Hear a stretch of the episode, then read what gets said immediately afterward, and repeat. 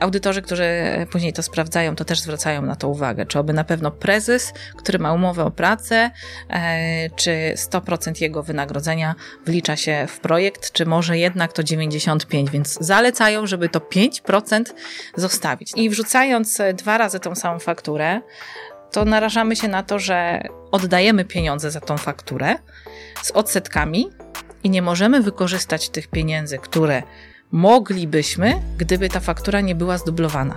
Pokazując zdjęcia z targów, gdzie nie ma logówek, które są wymagane, niestety może to spowodować niekwalifikowalność całego wyjazdu. Mhm. To była cenna tak. wiedza, bo taki detal może naprawdę narobić Ci sporo problemów. Jeżeli interesuje Cię biznes, przedsiębiorczość, pieniądze, zasubskrybuj nasz kanał i kliknij dzwoneczek. Partnerami przygód przedsiębiorców są Mercaton Asi, inwestycje z pozytywnym wpływem, RocketJobs.pl, portal pracy przyszłości, gdzie znajdziesz nowych członków Twojego zespołu, Komarch ERP XT, fakturowanie, księgowość, sprzedaż w jednym programie online, SoFinanse, eksperci w dziedzinie finansów, IBCCS Tax, spółki zagraniczne, ochrona majątku, podatki międzynarodowe. Linki do partnerów znajdziecie w opisie filmu. Dzień dobry drodzy widzowie, Adrian Gorzycki, Przygody Przedsiębiorców. Witam Was w kolejnym odcinku naszego programu, gdzie tym razem naszym gościem jest Justyna Pieńko. Dzień dobry. Dzień dobry, witam serdecznie. Drodzy widzowie, słuchajcie i oczywiście słuchacze, którzy są na podcastach. Ten odcinek jest przede wszystkim dedykowany osobom, które się albo starają, albo się starały, albo pozyskały środki unijne. Czyli generalnie, jeżeli jakkolwiek macie styczność ze środkami unijnymi, bądź zamierzacie mieć z nimi styczność, to ten odcinek warto, żebyście obejrzeli, ponieważ Justyna, która mm, zajmuje się właśnie dotacjami unijnymi, opowie Wam o tym, co jest bardzo, ale to bardzo istotne w kontekście zarówno pozyskiwania środków unijnych, jak i przede wszystkim utrzymania tych pieniędzy, po to, żeby potem nie spotkać się z nieprzyjemnymi konse konsekwencjami prawno-finansowymi. Czy dobrze to ująłem? Dokładnie tak. Dobrze. To jeszcze tylko nadmienię, że ty w tej chwili masz w swoim portfelu projekty unijne o wartości 100 milionów złotych. Którymi się opiekujesz? Tak, dokładnie. Są to przeróżne projekty, nie tylko projekty na przykład informatyczne, ale też i projekty, które y, odnoszą się chociażby do produkcji y, polimerów czy innych e, rzeczy, które są związane z chemią, albo na przykład z farmaceutyką, y, z substancjami czynnymi związanymi oczywiście z chemią leczniczą, jak również projekty, które są dla startupów, tak? Mhm. Więc wachlarz jest dosyć szeroki. Czyli pomagasz zarówno dojrzałym firmom, jak i początkującym. Dokładnie tak. Okej, okay, dobra. To żeby nie przedłużać, powiedz jaka jest pierwsza ważna kwestia, o której nasi słuchacze i widzowie powinni wiedzieć w kontekście dotacji unijnych. Pierwsza rzecz, w sumie najważniejsza, to są zamówienia. Ponieważ bardzo często w projektach jest tak, że chcemy kupić coś konkretnego od konkretnego dostawcy, bo już wiemy, że on był na przykład przetestowany, albo y, wiemy, że ich produkt będzie najlepiej odpowiadał e, zadaniom, które są tak naprawdę zaplanowane w projekcie. I tutaj pojawia się pytanie, czy mogę od tak po prostu zamówić sobie e, daną rzecz, na przykład jakiś serwer, czy, czy chociażby jakiś robot, czy, czy potrzebuje po prostu element. tak, mhm. jakieś materiały, czy substancje dodatkowe. Więc to jest rzecz, która jest e, newralgiczna i która rodzi bardzo duże konsekwencje dla e, beneficjenta, czyli przedsiębiorcy, który ma tą dotację, ponieważ to na nim spoczywa e, obowiązek przeprowadzenia takiego zamówienia w określony sposób, który jest odgórny. I tak naprawdę e, są dodatkowe wytyczne, o których powiedzmy, że można wiedzieć, można nie wiedzieć, ale zazwyczaj z doświadczenia wiem, że zapomina się o tym fakcie i tak naprawdę robi się projekt i później jest informacja. No to ja i tak od niego zamawiam, ale no, Pani Justyno, proszę powiedzieć, to mogę od razu zamówić, czy muszę, muszę jeszcze coś wykonać? I tak naprawdę informacja, która idzie ode mnie i tak hola hola, nie tak szybko najpierw trzeba oszacować zamówienie. To troszeczkę jak zamówienia publiczne, które bardzo często e, osoby nie lubią, tak? Te zamówienia są takie Kojarzy to z trudne. Dokładnie. I tak samo wyglądają, e, znaczy tak samo, bardzo podobnie wyglądają zamówienia. One są obwarowane dodatkowymi wytycznymi, e, które wynikają z pewnego punktu, ale w skrócie wygląda to tak. Jeśli chcę coś zamówić, to tak naprawdę muszę najpierw oszacować wartość tego zamówienia, pomyśleć, czy oby na pewno wszystkie rzeczy, które planuję zamówić w projekcie, mogą być w jednym zamówieniu i dopiero wtedy na tej podstawie określić, czy mam e, po prostu zamawiać sobie od tak, bez żadnych e, wytycznych, czyli do wartości do 20 tysięcy złotych, od 20 do 50 to powiedzmy muszę mieć rozeznanie rynku, czyli tak naprawdę tam można pomanewrować, jednakże najbardziej newralgicznym e, miejscem jest baza konkurencyjności. Ta baza e, niestety nie pozwala od tak po prostu sobie wybrać kogokolwiek, ona musi po prostu wisieć i to wszystko widzą. Inni, którzy chcą na przykład um, zrobić zamówienie dla kogoś albo y, obserwują tą bazę, tak? Są też, y, ta baza po prostu zawiera wszystkie zamówienia, stąd też jest plus, ponieważ nie wszyscy przeglądają te zamówienia, tak?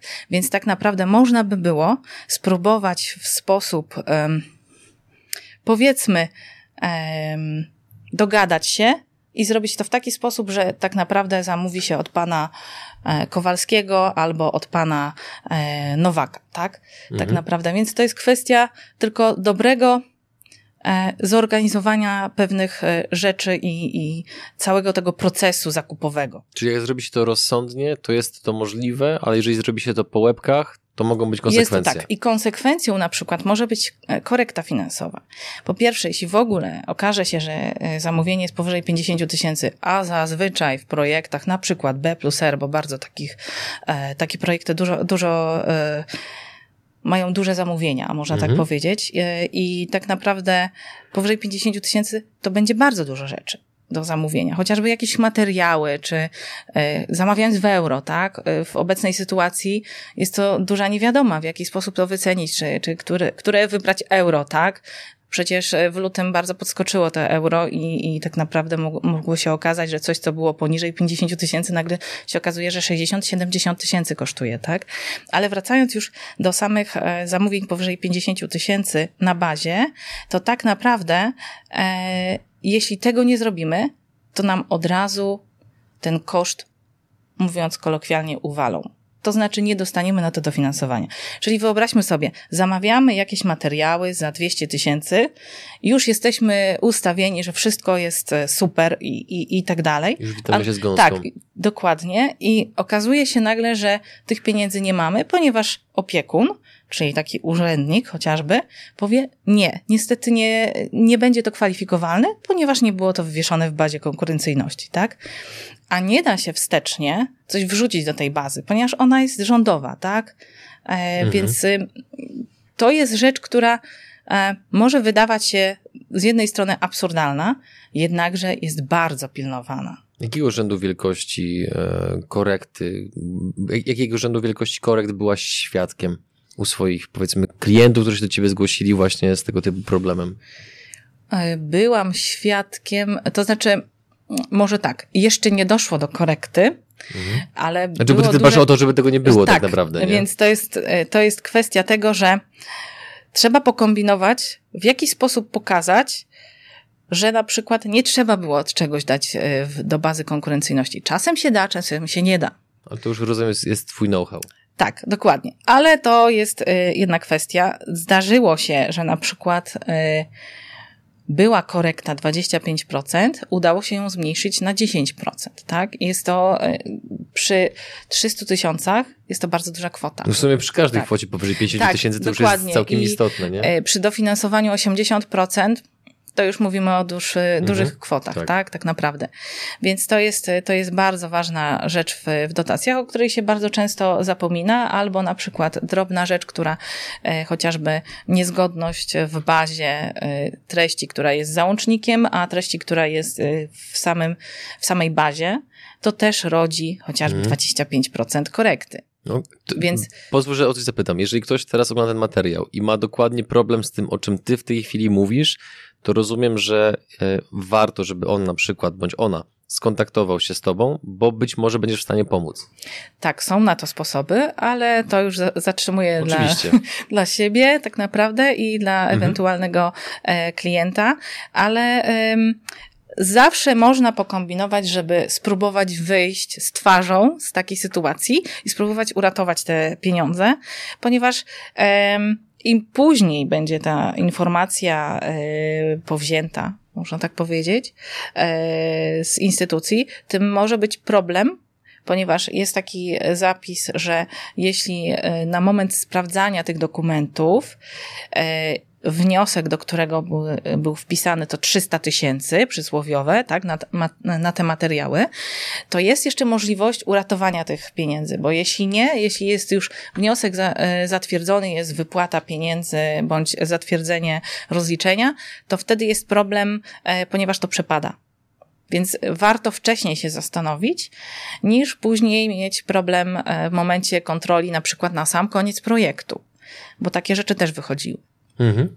Więc także e, tutaj też może e, przejdę do innej rzeczy, która też jest e, bardzo istotna. Niektóre instytucje sprawdzają na próbie, że na przykład mamy, mamy dokumenty i mamy na przykład 50 faktur i sprawdzanych jest 10 i to 40 jest niesprawdzone. I w momencie, kiedy te 40 jest niesprawdzone i okaże się, że coś jest nie tak, to wtedy nam przepada, tak? Bo to będzie na moment kontroli, jest już wniosek zatwierdzony i nie ma możliwości e, odzyskania tych pieniędzy. Jeśli jest to, e, i tak na przykład robi NCBR, Narodowe Centrum Badań i Rozwoju, które do tej pory miało bardzo dużo projektów, e, chociażby z B plus R, szybka ścieżka na pewno dosyć znana. E, stąd problemem jest co by było, gdyby na moment kontroli po zakończeniu projektu, a to są projekty dwuletnie, czasem trzyletnie, w zależności kto jak sobie ustawił w momencie wnioskowania, e, to tak naprawdę mamy problem, e, co w takim wypadku zrobić, bo muszę oddać te pieniądze z odsetkami tak naprawdę. Odsetki licząc na przykład dwa lata, trzy lata. A pieniądze już wydałem. A pieniądze już wydane, tak? Mm. Już się człowiek pocieszył, że tak y, wszystko jest ok. I nagle się okazuje, że, że te pieniądze muszę zwrócić, chociażby, nie wiem, 200 tysięcy plus jeszcze odsetki sprzed dwóch lat po 10% rocznie, więc no nikomu to się nie tak, uśmiecha. Dokładnie tak.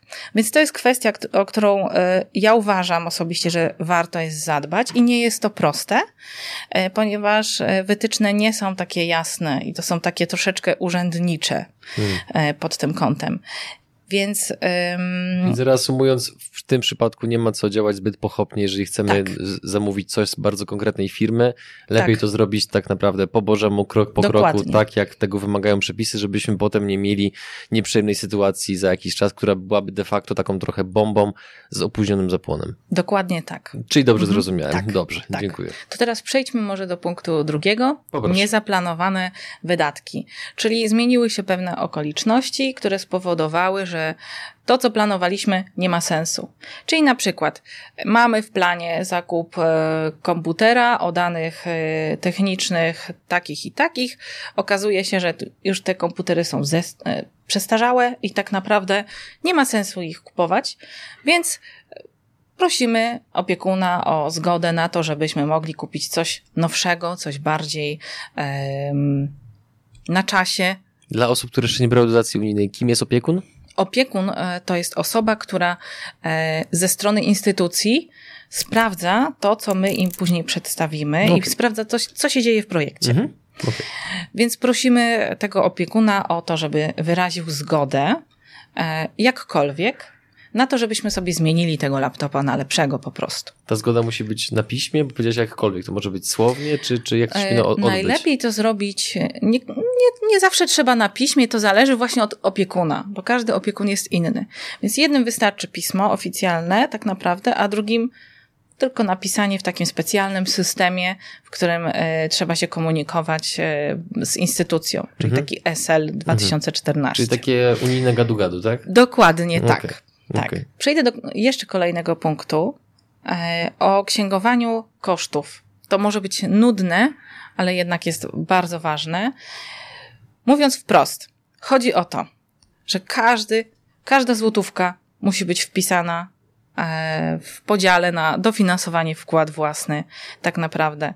I tylko uczulenie księgowej na to wystarczy.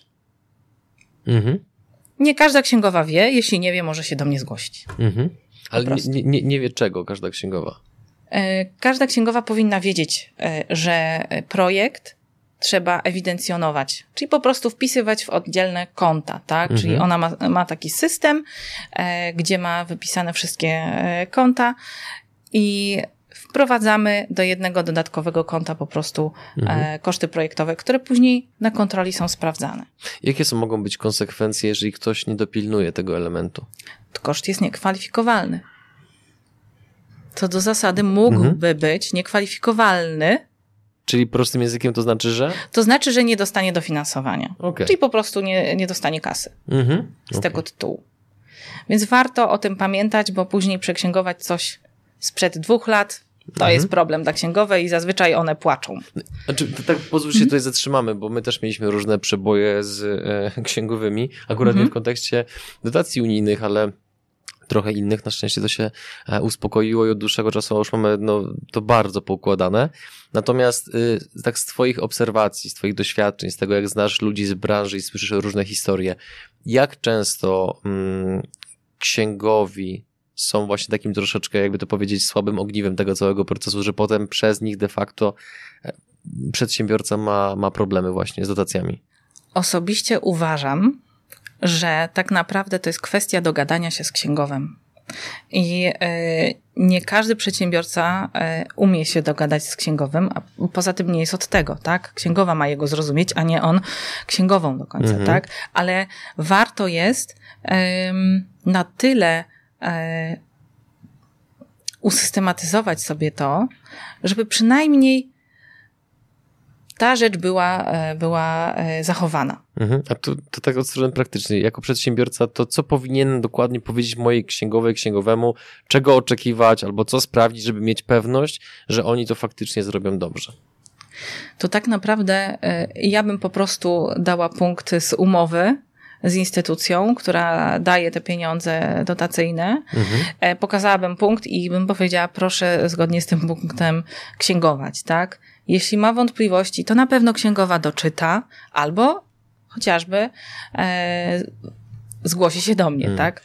Rozumiem Twoją dyplomację i, te, i, na, i, nawet y, podziwiam Twoją wiarę w księgowych, natomiast moje doświadczenia i moich kolegów pokazują, że e, często księgowi też, żeby było jasne, to nie jest tak, że wieszam na nich psy, bo rozumiem, mm-hmm. że mhm. też może wynikać trochę z tego, że żyjemy niestety w ekstremalnie dynamicznie zmieniającym się otoczeniu, jeżeli chodzi o przepisy prawne tak. w, w, w, naszym państwie. Niemniej ja już wielokrotnie spotkałem się z takimi, z takimi postawami, że no, księgowi pod, są tylko ludźmi i popełniają bardzo często błędy, więc nie wiem, czy się zgodzisz, ale ja bym chyba wręcz, niezależnie od tego, czy są dotacje unijne, czy nie, ale rekomendował też zasięganie po prostu drugiej opinii, jakiegoś być może innego biura księgowego, który też może spojrzeć i rzucić okiem, zwłaszcza jeżeli gramy o wysokie stawki. Mm, bardzo często e, zdarzało mi się, że na przykład była zmieniana księgowa w międzyczasie, ponieważ nie rozumiała tych zapisów. Mhm. E, więc e, nie ukrywam, że nie jest to przypadek odosobniony. Mhm. Więc zdarza się, że po prostu ta druga księgowa szuka się wtedy księgową, która umie to robić, tak? Albo ma jakieś doświadczenie w tym zakresie. Mhm. E... Czyli warto by było tak naprawdę, jeżeli będziemy się starali o środki unijne, żeby zapytać się na przykład naszego e, księgowego wcześniej, czy już ma doświadczenie w ogóle w pracy z, z projektami tak. unijnymi. Dokładnie tak. Jeśli nie, to warto by było, e, żeby ta osoba e, była w stanie przeczytać coś na ten temat albo mhm. zasięgnąć informacji, e, jak to jest robione. Może ktoś inny, na przykład z biura rachunkowego, robił coś takiego. Mhm. E, więc poukładanie tego procesu na samym początku, nie ukrywam, że jest prostsze niż później przeksięgowywanie różnych rzeczy i, i płacz księgowej, mhm. że coś musi jeszcze ruszać w księgach, tak? Więc to jest też e, znaczące. Tu jeszcze mam pytanie a propos tego punktu. Czy jeżeli nie dostaniemy kasy z powodu błędu księgowego, księgowej, to czy możemy Mm, taką mm, osobę pociągnąć do odpowiedzialności na, na bazie ubezpieczenia, czy nie? Jak to wygląda? Myślę, że tak. Wiem, że to wszystko zależy od tego, jaką mamy umowę z biurem rachunkowym. E, jeśli umowa nie zawiera takich informacji, że na przykład odpowiedzialność za niezaksięgowanie pewnych rzeczy e, leży po stronie e, biura rachunkowego, bo z takimi mhm. umowami się spotykałam, no to już niestety nie za bardzo. Okay. Bo tak naprawdę w ustawie o rachunkowości to kierownik jednostki, czyli na przykład prezes, jest odpowiedzialny za to, co jest księgowane i w jaki sposób jest księgowane, tak? Więc mm, tutaj wszystko by zależało tak naprawdę i to jest kwestia dogadania się. Ale słyszałam o przypadku, gdzie księgowa, mimo tego, że była z biura rachunkowego, e, poniosła konsekwencji niezaksięgowania pewnych rzeczy u klienta. Mhm. I to już był wyrok sądowy, tak? Więc istnieje takie prawdopodobieństwo, że można by było pociągnąć do odpowiedzialności. Okej. Okay. Znaczy cieszę się, że ten punkt rozbudowaliśmy, bo e, ja ten program prowadzę między innymi dlatego, że po prostu uwielbiam przedsiębiorców i uważam, że mają na tyle e, podgórkę w różnych sferach naszego życia w Polsce, że po prostu chciałbym, żeby wiedzieli, że jeżeli takie coś się stanie, no to generalnie nie są z tym problemem sami i że no po prostu ktoś będzie musiał ponieść tego konsekwencje, jeżeli nie dopilnuje pewnych rzeczy. Ale idźmy Dokładnie dalej. tak. Kolejny punkt, czwarty to jest na przykład brak zaksięgowania właśnie kosztów pośrednich. Bardzo często, to może wyjaśnię o co chodzi z tymi mhm. kosztami pośrednimi. Bardzo często w projektach, gdzie dzieli się koszty na takie typowo bezpośrednio związane z realizacją projektu, są też koszty pośrednie, które są super, ponieważ są ryczałtem, czyli należy się jak psu zupa tak naprawdę. Więc 25% y, od kosztów bezpośrednich, bardzo często, y, to jest bardzo dużo. To, jest, to są po prostu pieniądze, czyli na przykład mamy milion, to 250 tysięcy dostajemy e, dodatkowo na mhm. swoje inne potrzeby, typu właśnie usługi księgowe, e, typu e, ewentualnie najem biura, czy, czy chociażby ochrona, czy sprzątanie, czy, czy inne usługi prawne, marketingowe, elementy... czy inne rzeczy, które nie były mhm. uwzględnione w tej części bezpośredniej, tak? Mhm. Więc to jest też fajna rzecz, bo można sobie finansować różne rzeczy, tak? Mhm. I, I ten wachlarz jest dosyć e, szeroki. Czyli, żeby zrozumieć, takim kosztem bezpośrednim na przykład może być dotacja na jakąś linię produkcyjną, ale kosztem pośrednim będzie na przykład kwestia transportu tej maszyny do nas, czy jakby adaptacji w ogóle hali pod to, żeby ta maszyna tam działała? E, o ile tego nie uwzględniliśmy chociażby w tych kosztach bezpośrednich, okay. bo czasem się zdarzy, że mamy to uwzględnione, że przystosujemy halę, czyli musimy wykonać jakieś prace, e, powiedzmy budowlane albo wykończeniowe, albo musimy e, wykonać coś dodatkowego, co na moment wnioskowania, to są właśnie te nieplanowane wydatki, tak? Na, mon- na moment wnioskowania, mhm. jeśli uwzględniliśmy najwięcej, co nam przyszło po prostu do głowy, no to jest super, to wtedy jest duża szansa, szansa, że ten ryczałt, czyli to 25%, będziemy mogli sobie wydać powiedzmy na co chcemy. Ale uwaga, to, to nie jest e, tak do końca, ponieważ e, chociażby KAS e, bardzo często, gdy sprawdza e, klient, klientów moich, czy, czy ogólnie beneficjentów, to on zwraca uwagę, czy oby na pewno koszty pośrednie, czyli w tym ryczałcie, bo jakieś koszty trzeba mieć, e, to one są chociażby troszeczkę związane z projektem. Mhm. No nie ukrywajmy, że zazwyczaj dużo rzeczy się da wrzucić, tak? Do tego, że w jakiś tam sposób miało wpływ na realizację projektu, chociażby usługi księgowe. Czyli wzięcie auta dla żony to nie jest dobry to pomysł? To nie, niekoniecznie, niekoniecznie, ale większość rzeczy można. Mhm. Większość rzeczy można. A jakie tak. rzeczy są takie absolutnie... Mm, podpadną właśnie podczas kontroli, że zostaną uznane jako te, które nie powinny w ogóle się tutaj znaleźć, ale z drugiej strony są takie dla przedsiębiorców nieintuicyjne i troszeczkę sporne. Czy, czy masz jakieś takie właśnie obserwacje? Pierwsze, co mi się nasuwa, to może być to, że na przykład czasem zastanawiamy się, w jaki sposób koszty y, chociażby wynagrodzenia prezesa wrzucić, tak? On też bierze czynny udział w y, realizacji projektu. O ile nie jest wpisany na przykład we wniosku dofinansowanie, bo tam bardzo często jest y, wpisywana osoba, która będzie się zajmowała, będzie kierownikiem projektu, będzie na przykład kierownikiem B plus R i z racji swojego doświadczenia i w ogóle znajomości branży e, i tak dalej, jest w stanie udźwignąć te zadania. E, to zdarza się, że na przykład się przyczepiają, że jakaś tam część wynagrodzenia prezesa w ogóle nie powinna wchodzić w projekt. Dlaczego? Ze względu na to, że on pełni też rolą, role zarządcze.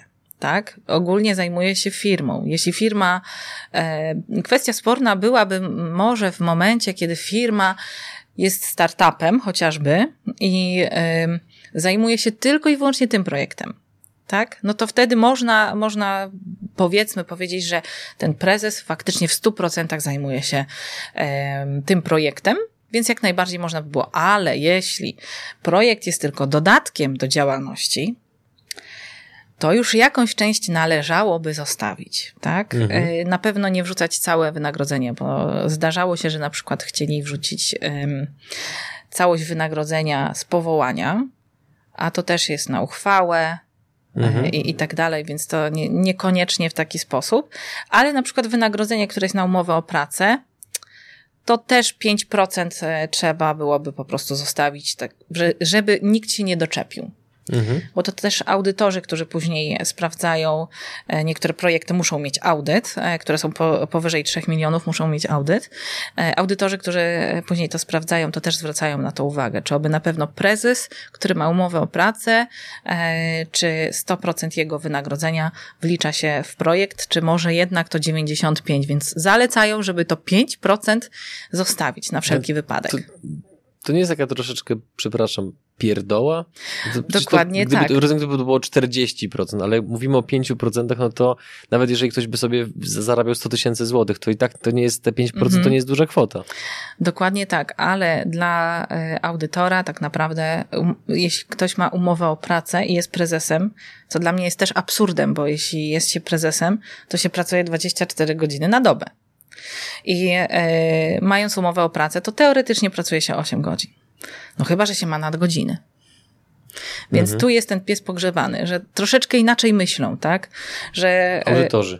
Audytorzy, tak samo kontrolujący też podchodzą do tego w taki sposób, tak? I Urząd Skarbowy tak samo e, dla nich nie jest, e, nie jest to ważne, że ktoś jest prezesem i pracuje faktycznie to, to nie wiem, po, po 12, po 13 godzin, a resztę powiedzmy ma dla rodziny i śpi, tak? Ale tak naprawdę według niego w papierach 8 godzin, tak? Mhm. Bo reszta, co do zasady, byłaby przychodem dla spółki chociażby. E, inaczej jest w, w jednoosobowych działalnościach gospodarczych. No to właściciel po prostu on robi na siebie i ile pracuje, to już jego sprawa, tak? Więc to inaczej wygląda. Ale w spółkach zazwyczaj jest to 5% jest bezpieczne. No jak ktoś weźmie więcej, to jest ok, tak? Ale, ale 5% jest bezpieczne. To jest jeden z przykładów. E, inny to właśnie przytoczony chociażby samochód dla żony prezesa, to absolutnie nie. Albo chociażby jakieś e, wydatki związane z jakimś e, wydarzeniem marketingowym, na którym nie było mowy o projekcie, tak? To, to też może zostać zakwestionowane. Tylko pytanie, na ile się dowiedzą, tak? Albo mhm. na ile jesteśmy w stanie udowodnić, że coś takiego miało miejsce, że jednak był ten projekt pokazany, tak? To też no, pozostawię bez, bez mhm. komentarza, ale z pewnych rzeczy można wyjść. Mhm. Okay. Tak naprawdę. Co mamy dalej? Kolejny punkt to chociażby zdublowanie faktur. Zdarza się, że zapominamy, że coś już wrzuciliśmy do wniosku o płatność. Wniosek o płatność to jest tak naprawdę taki, powiedzmy, raport, takie sprawozdanie z tego, co się zrobiło e, przez te na przykład trzy miesiące e, i co do zasady, co trzy miesiące trzeba mieć ten wniosek o płatność i wrzucamy tam wszystkie faktury, czyli pokazujemy, tu wydaliśmy 200 tysięcy, tu 300, tu, tu więcej i w takim wypadku czasem możemy zapomnieć, że trzy miesiące wcześniej wrzuciliśmy tą fakturę, mhm. tak? I wrzucając dwa razy tą samą fakturę, to narażamy się na to, że może w momencie, kiedy zatwierdzony będzie wniosek, czyli już opiekun powie, wszystko jest ok, w momencie, kiedy nie jest sprawdzana akurat ta faktura, to za jakiś czas się okaże, że ta faktura była faktycznie zdublowana i oddajemy pieniądze za tą fakturę z odsetkami i nie możemy wykorzystać tych pieniędzy, które moglibyśmy, gdyby ta faktura nie była zdublowana. można tak powiedzieć. Czyli gdybyśmy dwa razy jej nie wrzucili, to moglibyśmy inny koszt jakiś wrzucić, tak? Mhm. E, jako oszczędność, że e, tutaj mniej wydałem, no to teraz chcę wydać na coś innego. Albo tu materiały kupiłem, a to jeszcze, tak? To oczywiście wyszłoby w momencie, kiedy jest ten sam numer księgowy. No, no, takie rzeczy wychodzą zazwyczaj na samym końcu, tylko w, w tym momencie człowiek się zastanawia, no to jak ja teraz to wykorzystam? A chciałbym mieć to jeszcze 300 tysięcy, prawda? Więc żeby nie było takich sytuacji, to żeby e, dbać o to, żeby nie dublowały się te faktury, bo szkoda tych pieniędzy tak naprawdę, a warto je e, mieć. Mhm. Myślę, że ten punkt jest jasny i zrozumiały dla wszystkich, tak. więc możemy przejść do kolejnego. Po prostu spróbuj. Dokładnie w ten sposób podejdź do firmowego kanału YouTube. Daj sobie szansę sprawdzić, jak wiele korzyści zyskałbyś ty i twoja firma, gdybyście z naszą pomocą spróbowali rozwinąć wasz firmowy kanał YouTube. Kto wie, może się okaże, że ten prosty ruch spowoduje wiele korzyści dla waszej organizacji. Wejdź na Przygody TV i sprawdź, jak inni klienci oceniają pracę z nami i jej efekty. Kolejny punkt to VAT. Czasem się zdarza, że na przykład spółka jest VAT-owcem, i wrzuci VAT jako koszt kwalifikowalny, czyli że jest on do dofinansowania. Co do zasady, VAT nie jest kwalifikowalny, ponieważ można go odzyskać. E, więc, żeby nie było takich sytuacji, a zdarzały mi się, mhm. że ktoś wrzucał i później po jakimś czasie okazywało się właśnie, że trzeba było to wyjąć z wniosku i z automatu było niekwalifikowalne i pomniejszało dofinansowanie. To też bolało bo akurat to była duża, to było duże przedsiębiorstwo, duża spółka, e, która chciała wykorzystać te pieniądze i to były pieniądze rzędu właśnie 250 tysięcy. Więc także przez małą pomyłkę Niestety mhm. musieli pomniejszyć swoje dofinansowanie o 250 tysięcy. E, bo zauważmy, że dofinansowanie tak naprawdę, jeśli jesteśmy na liście rankingowej e, i jest nasza firma jest nasza firma wpisana jako otrzymuje dofinansowanie i mamy już tą informację, to jest tylko prawo do tego, tak naprawdę. A czy my to wykorzystamy, to już zależy od nas. I e, warto jest uporządkować sobie na samym początku to, co jest potrzebne e, do tego, żeby później nie mieć sytuacji podbramkowych i nie gasić, nie gasić pożarów, tak? Nikt nie lubi. Tak, dokładnie tak. E, Myślę, że to już tyle e, z VAT-em. Każdy, każdy chyba mhm. będzie wiedział o co chodzi. E, kolejny punkt to promocja projektu. Bardzo często się zdarza, że my zapominamy o tej promocji projektu. Jeśli na przykład mamy e, projekt, który polega na targach, no to już niestety pokazując zdjęcia z targów, gdzie nie ma logówek, które są wymagane, e, unijna logówka, logówka dotycząca funduszy europejskich albo chociażby na przykład e, logówka PFR-u, czyli e, tak naprawdę PARP, tak? I logo Rzeczpospolitej, niestety może to spowodować niekwalifikowalność całego wyjazdu. Aż tak? Tak. Brak naklejek. Dokładnie tak, Grubo. więc może, może, być, e, może mhm. być to problemem. Mhm. Albo na przykład robimy sobie jakiś, e, nagrywamy sobie jakiś spot, tak? Albo e, mamy jakąś reklamę i nie mamy na przykład na samym końcu takiej logówki, że projekt był współfinansowany z funduszy europejskich, to też może skutkować ucięciem kosztu, czyli nie dostaniemy za to pieniędzy. Czyli wy, wydaliśmy pół miliona na nakręcenie jakiegoś super filmu, a później okazuje się, że przez brak logówek no jest ten problem, tak? To poszło na przykład na antenie i jest, jest problem, ponieważ tutaj mamy dowód, że nie, nie było logówek i jest to niespełnienie e, warunków umowy o dofinansowanie. Dlatego warto o tym pamiętać, zanim się wybierzemy na te targi, cokolwiek pokażemy, albo e, jakiś billboardzik e, wywiesimy, żeby jednak o tym pamiętać. Mhm. To bo cena tak. wiedza, bo taki detal może naprawdę narobić ci sporo problemów. Tak, dokładnie tak. Bo pewne rzeczy można na, na, ostatnią chwilę e, zrobić, typu tablica, tak, chociażby pamiątkowa, no to można na sam koniec e, na szybko zrobić. Albo plakat też można na szybko zrobić, nie ma to znaczenia, on ma być po prostu estetyczny, e, ale co do zasady, no już na targach to już nic nie zrobimy, mm. tak? Więc to już jest po ptakach, jak to mówią. Mm-hmm. Więc to warto, warto na to zwrócić uwagę, zanim się wybierzemy i, i na przykład też e, co, przypominam się od razu też tak, taka sytuacja, że e, jeśli mamy materiały promocyjne, bo nie każdy chce mieć na przykład logówki, tak? E, I tak naprawdę to, co pokazujemy, to pokazujemy to, ten materiał, który jest e, dla opiekuna.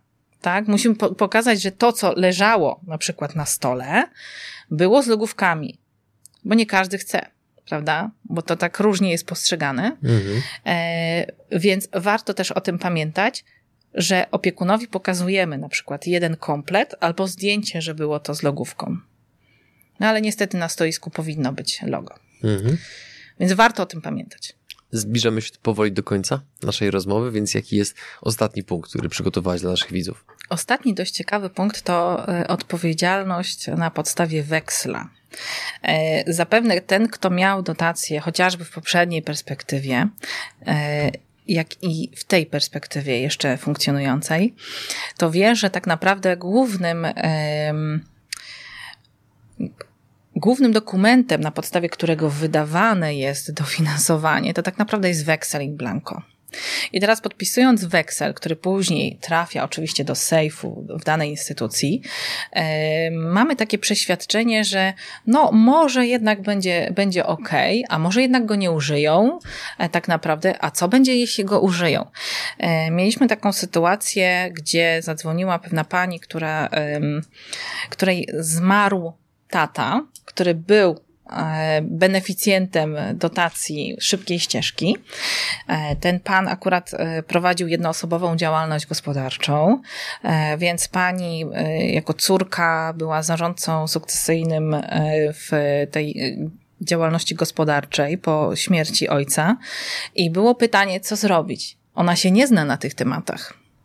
I ona nie chce prowadzić tego projektu, a projekt był z, właśnie z działalności B plus R, więc zaproponowaliśmy pani, żeby może jednak podeszła do tego e, w inny sposób, znalazła kogoś, kto mógłby coś takiego wykonać e, i ktoś by za nią już e, wykonał te wszystkie zadania projektowe, po prostu cesją by, byśmy to zrobili.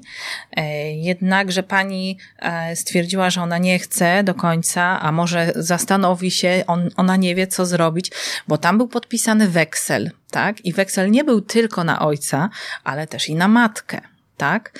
Więc e, jako wspólnota małżeńska, tak? Więc e, tak naprawdę ten weksel e, najprawdopodobniej, jeśli by doszło do tego, że nie będzie zrealizowany projekt, już w ostateczności, już nie, nie powołując się na chociażby siłę wyższą, bo śmierć jest tu siłą wyższą, to można by było mniemać, że pójdzie w ruch. Z tym, że nie na ojca, ale już na matkę, tak? Ponieważ weksel podpisały dwie osoby. Bardzo często się zdarza, że e, beneficjenci na przykład zapominają o tym, że jak się skończy okres trwałości, to jest taki czas, kiedy po zamknięciu projektu, czyli zakończyliśmy projekt mhm. i otrzymaliśmy tą ostatnią płatność, to jest na przykład 3 lata bądź 5 lat, okresu trwałości, gdzie trzeba utrzymać jakieś tam wskaźniki, e, które się zakładało w momencie wnioskowania. E, I po tym okresie warto by było przypomnieć sobie, że jest do odebrania weksel, który tak naprawdę, nie daj Boże, by trafił gdzieś w niepowołane ręce i mógłby być użyty. Niektórzy beneficjenci podchodzą do tego dosyć lekko i nie martwią się tym, bo mówią na przykład już kolejny weksel, to jest mi to obojętne ale niektórzy jednak się obawiają. Czyli lepiej chuchać na zimno. Ja bym odebrała. Ja bym odebrała. Przynajmniej sobie przypomnienie jakieś wpisała i bym odebrała, bo nigdy nie wiadomo tak naprawdę. Oczywiście ściągalność ze spółki to najpierw jest tak naprawdę nie, e, nie ruszą weksla bez tego e, sprawdzenia tak naprawdę, czy spółka jest w stanie spłacić to. Tak? Albo w ogóle, czy. E, czy firma jest w stanie spłacić. Z majątku firmy jesteśmy w stanie spłacić te zobowiązania, które wynikają z dofinansowania, tak? Mhm. Z tym, że musimy zwrócić uwagę, kto pierwszy dostaje tak naprawdę te zobowiązania. To, co, to w zależności od tego, czy jesteśmy spółką, czy działalnością, to też już wygląda to trochę inaczej. Przy działalności to jak gdyby komornik wchodzi, tak? A, a jeśli chodzi o, o spółkę, to, to najpierw, e, najpierw tak naprawdę e, ZUS, Urząd Skarbowy e, ściąga pracownicy, a gdzieś tam, i banki jeszcze, tak? Jak gdzieś tam na szarym końcu może być instytucja. No chyba, że się coś pozmienia w tym temacie, tak hmm. naprawdę. Hmm, nie, nie wiadomo. Dokładnie tak. Ale polecam odebrać mhm. weksel.